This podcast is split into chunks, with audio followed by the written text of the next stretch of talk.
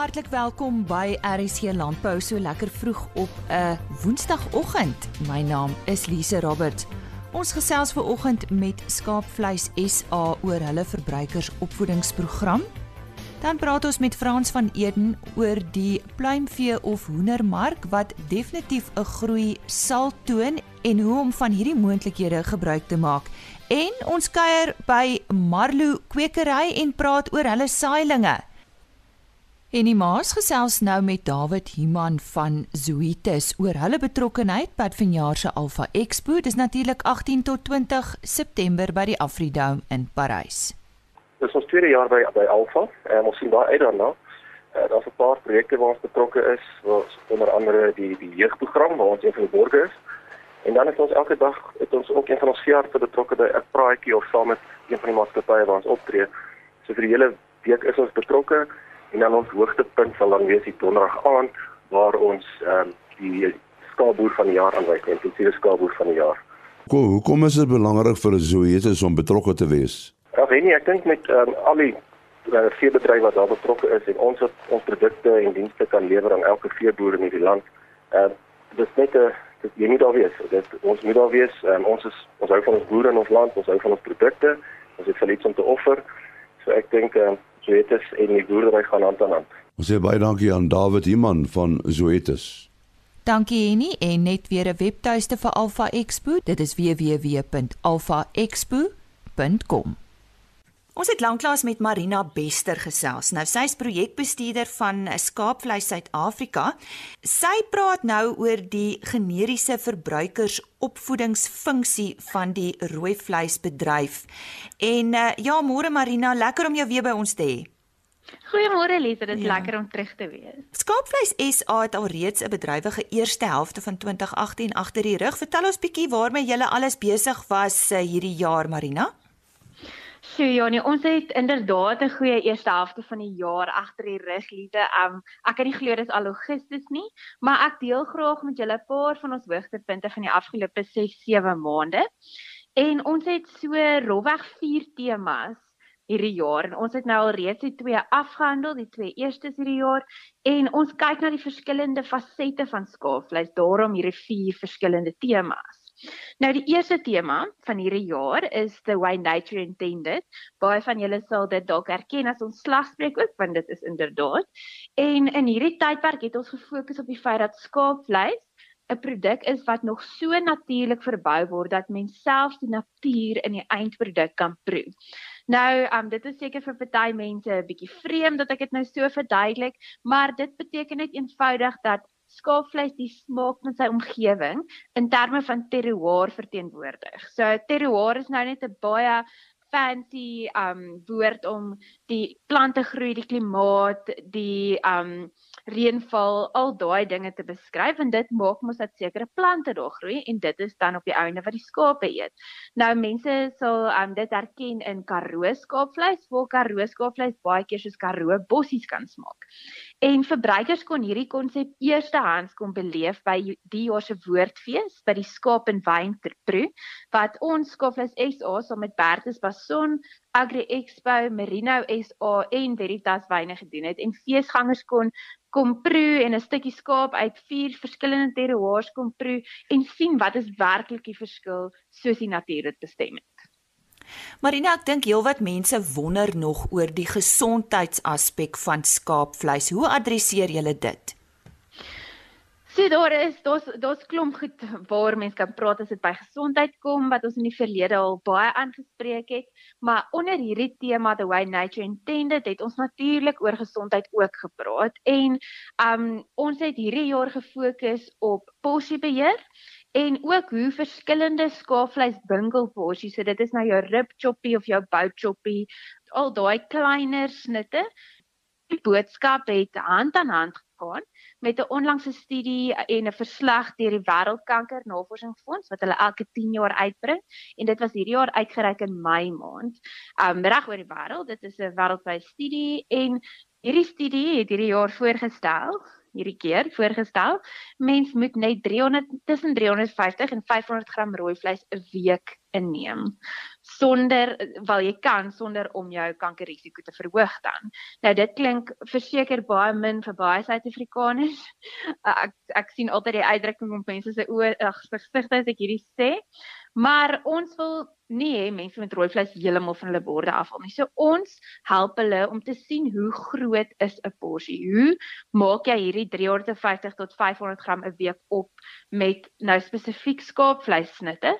En ons het 'n inligtingstuk saamgestel met hierdie porsies om te sê hoeveel proteïene kry jy daai hoe, hoe groot is die eetbare porsie? En ons het hierdie boodskap landwyd versprei in populêre kook en gesondheidstydskrifte en ook op ons digitale en sosiale media platforms. En luisteraars kan gerus na hierdie inligtingstuk gaan kyk. Die naam van hierdie inligtingstuk is Enough of a Good Thing en dit is op ons webwerf www.cookingwithlamb.com en dis onder die health and science stuff. Nou verneem ek julle het skaap skaapvleis nou uh uh verbind met 'n fietstoer. Nou dit klink heel gesond. So jy het sommer voortgegaan met daai gesondheidsaspek van skaapvleis. Is ek reg? Ja, so ons tweede tema van die jaar is Feast on Fire, maar die eerste tema, The Way Nature Intended, het baie mooi ingevoer met hierdie tweede tema, want ons het dit afgeskop met Jan Braai se Tour de Braai fietstoer.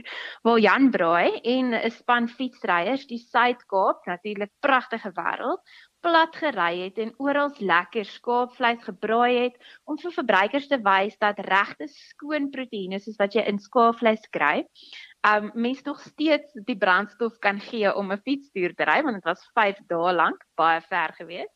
En hierdie was natuurlik uitgesaai op kyknet en kykers by die huis um kon ook 'n stap vir stap video van elke dag se skaapvleis snit op Jan Braai se Facebookblad gaan kyk. As hulle nou nie self daar kan wees nie, dit is steeds daar, hulle kan gerus gaan kyk. Ook onder hierdie tema van Feast on Fire het ons hierdie jaar deelgeneem aan die Fire and Feast Meat Festival in Johannesburg. Dit is vir die tweede keer gehou hierdie jaar en dit is 'n groot geleentheid vir skaapvleis. Is omdat dit is 'n vleisfees in Gauteng en dit was nog nooit van tevore gesien nie tot en met laas jaar nie. En ons ambassadors nie ons ambassadors nie ons ambassadors chef Sepang chef Tutu Naledi en ons eie bearded chef John Hall het vir feesgangers gewys hoe om lekker skaapvleis dis 'n gaar te maak die hele naweek deur met lekker energieke demonstrasies op die Lemon Mutton SA Demo Kitchen verhoog en hulle het alles van lam lewertjies tot heel skaapbout oor die kolle gaar gemaak dit was inderdaad 'n feast on fire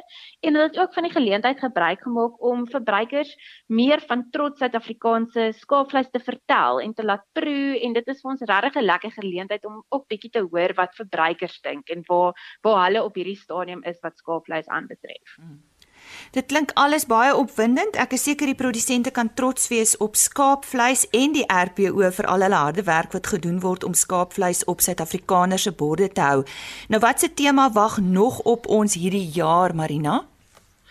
So Skaapvleis SA het nog twee lekker temas wat wag, waarvan die eerste een My Lamb, My Culture is wat natuurlik erfenis maand insluit in September en dan beweeg ons vir die feesseisoen in. So luisteraars kan gerus ons Facebookblad volg, Healthy Meat by Lamb and Mutton SA, waar hulle al ons aktiwiteite kan sien en aan deelneem en kan kom bywoon en ja, ons sal ons sal graag hulle terugvoer wil hê daar op ons blad.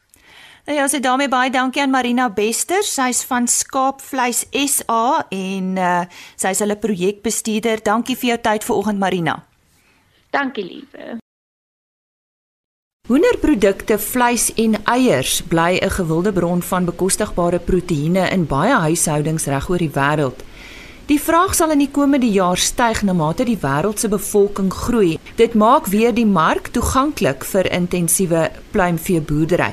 Frans van Eden wat ook gereeld met ons gesels op RSG Landbou oor finansiële sake, vertel ons nou hoe boere hierdeur sukses kan behaal. Nou Frans, jy meen sukses kan behaal word deur op twee aspekte te fokus. Wat is hierdie twee aspekte? Ja, Lise, kyk daai twee aspekte is maar altyd die mens en dan die proses. Jou produk word altyd geaffekteer in kwaliteit deur hoe goed jou prosesse is en hoe goed jou mense opgelei is. Wat behels die mens aspek? Wel, dit is maar opleiding en dan natuurlik persoonlike welstand ook. En persoonlike welstand is nou jou jou gesondheid, persoonlike gesondheid as ook finansiële gesondheid. En wat is die risiko's verbonde daaraan om werknemers aan te hou wat nie behoorlik opgelei is nie? Wel, jy sê jy gaan ook nou nie verwag van 'n van 'n bourekenaar, 'n quantity surveyor om met 'n loodgieter se gereedskap sy werk te doen nie, nê. Nee. So dis belangrik om jou werknemers op te lei. Hulle moet weet watter gereedskap hulle het om te gebruik. Hulle moet weet watter prosesse om te volg, want wat is die die risiko's natuurlik wanneer jy iemand nie goed oplei nie? Dis geld. Ehm um, tyd is geld en mense uh, mors geld ook wanneer hulle foute maak as jy byvoorbeeld 'n kleinvee boerdery is en jy het 'n baie presies uitgewerkte resep van hoeveel kos elke hoender moet kry. As jou werknemer nie goed opgelei is nie, gaan hy foute maak. Hy gaan byvoorbeeld te veel kos gee of te min wat jou produksie gaan beïnvloed. Maar ook terselfdertyd tyd is geld en personeel wat on the job leer mos tyd, beide in produksie en ook in die tyd wat hy vat net om 'n konsep in sy kop te kry en te verstaan hoekom hy dit moet Nou werknemer welstand is net so belangrik. Hoe moet boere dit benader? Wel, dit begin maar met belangstelling in jou personeel. Jy moet bewus wees van hulle gesondheid en ander faktore wat hulle hulle gemoedstoestand beïnvloed. So is daar dinge wat dalk dalk is hy siek uit griep. Jy gaan nie van jouself kan verwag om jou beste te gee wanneer jy griep het nie byvoorbeeld. So jy kan nie noodwendig van jou personeel ook verwag wanneer hy vrot met griep is om ook sy beste te gee by die werk net. So wat doen jy dan? Jy moet verstaan dat hy ou siek is. Jy moet vir hom of 'n laer werkslading gee of jy moet sorg dat hy by gesondheidsorg uitkom. So dit beteken jy kan hom invat kliniek toe of jy kan self kliniek personeel gereeld laat kom na die plaas toe. Dit is een van die dinge. Ander ding is finansiële welstand. Ehm um, is jy ou bewus van hoeveel geld hy kry? Verstaan hy regtig daai syfer? Weet hy hoe om hy syfer optimaal te gebruik sodat hy nie kom ons sê gaan skuld maak by 'n klomp klerewinkels nie en nou het hy nie genoeg geld elke maand om hy af te betaal nie. Want daai druk wat hy het om sy rekeninge te betaal, gaan maak dat hy heeltyd daaraan dink by die werk en hy gaan dink hoe kan hy ekstra geld maak? Wat gaan lei daartoe dat hy dalk begin steel self. So is belangrik om personeel welstand baie goed dop te hou en regtig daarop aandag te gee sodat hulle aanhou om hulle bes te gee vir die onderneming ter alle tye. Frans, maar hoekom is voldoende prosesse so belangrik in 'n boerdery? Wel, Lise, ons ons sê altyd ons wil nie delegeer nie want ons moet alles self doen. Dis dis beter om dit self te doen want jy kry die beter resultate uit. So 'n behoorlike proses spaar tyd, beide in opleiding en in die uitvoer van die taak. En ons het vroeër bewys dat tyd is gelyk aan geld want solank as 'n ou daar staan en hy salaris kry vir elke uur wat hy moet vat om uit te werk om 'n taak te doen, moet jy hom betaal vir daai tyd. So wat beteken dit eintlik? 'n Behoorlike proses maak dan moontlik om jou werk te delegeer, maar jy het ook gerusstelling dat die kwaliteit van die produk op die einde van die dag konsekwent is. Ja, ons gesels vanoggend met Frans van Eden. Hy is natuurlik van Prioritize en hy gee dikwels vir ons finansiële raad en ons gesels nou verder met hom. Eh, Frans, jy sê daar is 'n groot mark vir hoenderprodukte, maar heelwat hoenderboere sukkel om dit te bereik. Wat is die rede hiervoor dink jy? Wel, Lisa, te einde van die dag is dit maar altyd onvoldoende marknavorsing wanneer jy begin.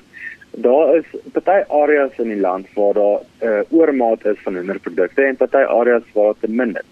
So, wat doen mense oor die algemeen? Hulle besluit, weet jy wat, ek is nou hier, ek bly op hierdie dorpie en ek dink ek moet hoenders begin groei en dan dit verkoop.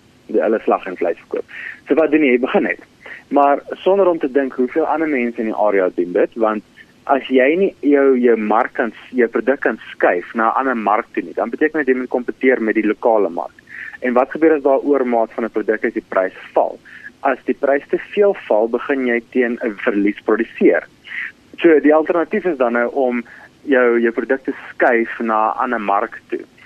Dit beteken jy vervoerkoste. En baie keer kom ons sê jy stop Kuruman en die grootste mark in Afrika is maar in die Weskaap en in Gauteng. Sien, wat doen jy nou? Nou moet jy vervoer hê hoe gaan jy teen 'n redelike koste jou produk in hierdie twee markte inkry? Dit dit gaan dit gaan feitelik onmoontlik wees. So, hier's wat jy moet vooraf moet doen. Jy moet weet wat is die kompetisie in jou area? Hoeveel mense is daar met wie jy kompeteer? En wat is die pryse wat gehandhaaf word in die area? Probeer ook uitvind is daar seisonale fluktuasie in die pryse. Ehm um, wanneer byvoorbeeld baie uh, nuwe kykens uitkom, is daar in daai daarvolgende maande 'n groot val in die prys of nie, dan moet jy ook reeds beplan wat se volgende 2 tot 5 markte waarna jy gaan uitbrei. Wanneer jou lokale mark uh, versadig is, moet jy dadelik na daai markte toe kan versprei. So, dit beteken jy gaan tyd moet spandeer om om verhoudinge te bou met met verspreiders in daai area. Ehm um, en al hierdie goed baie belangrik want jy kan dit nie doen wanneer jy agterkom met 'n probleem nie. Jy moet al hierdie grondwerk en grondslagfase werk reg hê voordat jy begin. Nou dit klink vir my asof eh, 'n uh, boer se verhouding met sy verskaffers baie belangrik is. Hoe kan 'n mens so iets bou, Frans? Wel, op 'n ander dag sê jy koop maar by wie van hou, nê. Nee. En net soos wat jy besluit het om by daai verskaffer te koop, want daar is een of ander iets wat jy gegee het wat jy oor van hou van hierdie persoon. Ehm um, jy gaan nie by 'n persoon koop wat jy niks van hou nie, selfs het hy 'n 'n superieur produk, as ek dit sou kan stel. Jy gaan by iemand koop waarvan jy regtig nou hou. So, met jou verskaffers, hulle gaan bereid wees om meer toegewings vir jou te maak as hulle ook van jou hou. So dit beteken jy moet tyd spandeer saam met hulle. Hulle moet weet wat is jou planne in jou onderneming.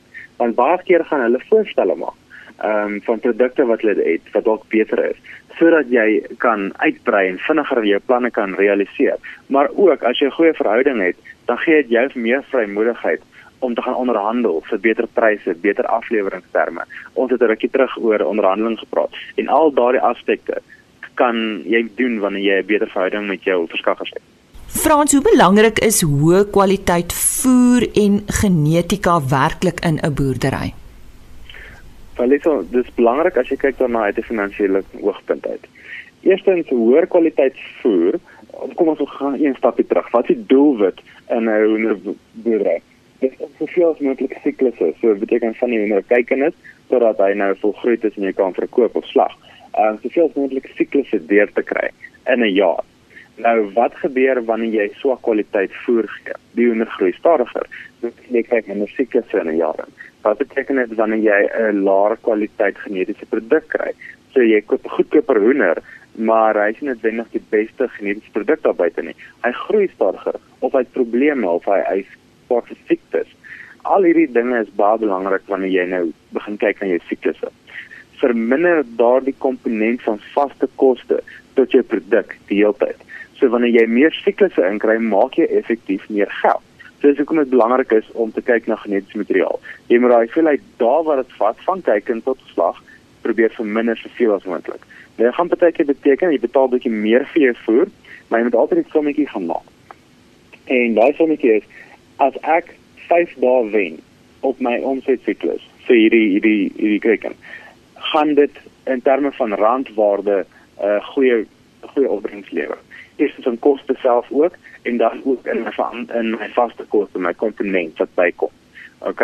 Dan implementasie daarvan. Dit is belangrik dat jy klein begin.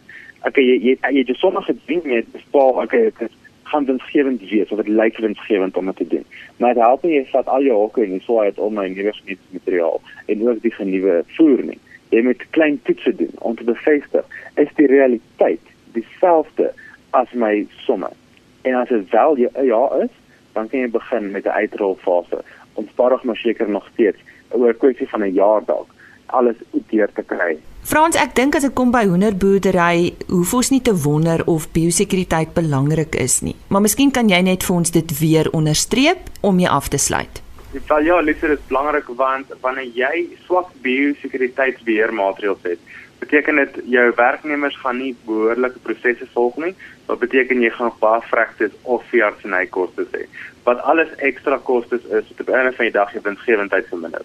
Jy eerder 'n paar ekstra prosesse het waar jy ou dalk 'n minuut vat om 'n proses klaar te maak plek van 12 sekondes met deurjaag so vinnig as moontlik, net 'n bietjie meer tyd vat. Ehm um, aanhouer wen, een wat langer vat kom by die wenstreep aan. So op 'n van die dag gaan dit oor maak soveel as moontlik geld wat beteken jy moet fokus op biosekuriteit ook.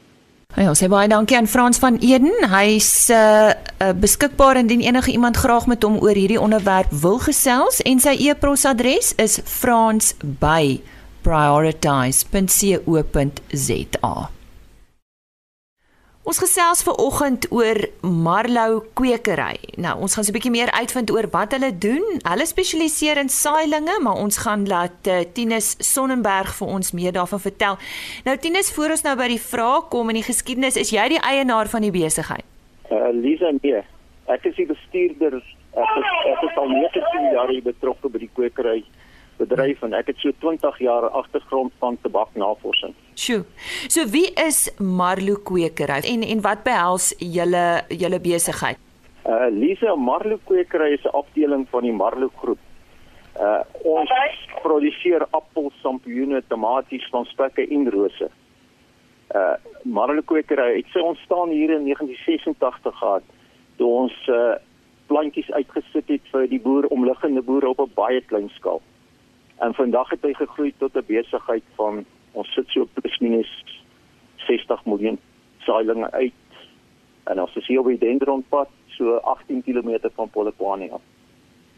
Nou dit is 'n magdom saailinge. Vertel vir ons watter soort saailinge uh, word by die kwekery verbou en en dalk ook die hoeveelheid per seisoen. Uh ons produseer tabak en alle groente saailinge. Uh, tabak is ons hoof saailing inkomste en soos ek sê ons uh, somtrent so 60 miljoen saailinge per seisoen. Watter verbouingsareas bedien die kwekery? Uh ons doen basies die hele Limpopo area en dan is daar areas wat ons meer saailinge aan voorsien en dit is soos Messina, haar gebruik uh, stuur ons tomaties uit. Ons stuur na Valwater, uh, Sterkrivier, uh, die hele Bosveld area teen die Botswana grens stuur ons tabak saailinge uit. Nou aangesien ons 'n landbouprogram is, moet ons darm so 'n bietjie praat oor saailing verbouing. Watter metodes pas julle toe en eh, kom ons praat ook maar sommer dan oor die plaag en siektebeheer wat julle toepas. Uh ons gebruik die metode van die tonnelverbou. Ons het verwarmde tonnels en dan word die saailinge, jy kry 'n bestelling uh, die saailinge vat so 4 tot 6 weke in die tonnels. Ons maak gebruik van uh, polistireen saailaaie. Dit is daar's uit so 200 selletjies in en dan saai jy die die saaitjies met 'n elektronies beheerde saaimasjien in elke selletjie en dan word hy op die rakke, dis rakke wat gebou is binne die plastiese tonnels uitgesit. En soos ek sê, dit vat so 4 tot 6 weke om dit gereed te kry. In die in die tonnels gebruik ons elektronies beheerde booms. Dit is die besproeiers wat die plantjies nat hou. Ons gebruik 'n masjien wat die wat die kunsmis toedien en jy het elektroniese masjiene wat die uh chemiese stowwe toedien wat ons die plant in uh siektes beheer. Tinus, um, as ons maar dink aan julle bedryf wat julle in is, is daar 'n magtom navorsing wat deurgangs gedoen word en julle moet nou ook seker byhou met al hierdie tipe veranderings. Doen julle julle eie navorsings en proewe? Lisa, ons het ons eie navorsingsterrein op proefterrein wat ons uh, een van die kwekery af aangelê het dat jy nou nie as ons daar siektes en probleme kry wat jy meer op die buitelande kry as in die kwekery ons het hom buitekant en daar doen ons proewe met saailinge, soorte saailinge, soorte behandelings want jy moet kyk die aanpasbaarheid van die saailing in die, in die oop lande en die oorlewing van die saailing. Uh wat ek net kan bysê ons ons hou 'n jaarlikse uh boeredag en daar kom die produsente kom daar by mekaar die boere en jou uh chemiese maatskappye, jou saadmaatskappye en dan het ons 'n interaksie daar met mekaar en ons wys die boere die saailing uh proewe, ons wys hulle die uh, hoe die verskillende kultivars lyk en so aan. So dit is 'n baie suksesvolle dag en ek dink dit is die is aldag wat gehou word in die Limpopo area wat wat dit dan betref. Wat is die rol van julle kwekery in 'n veranderende boerdery omgewing?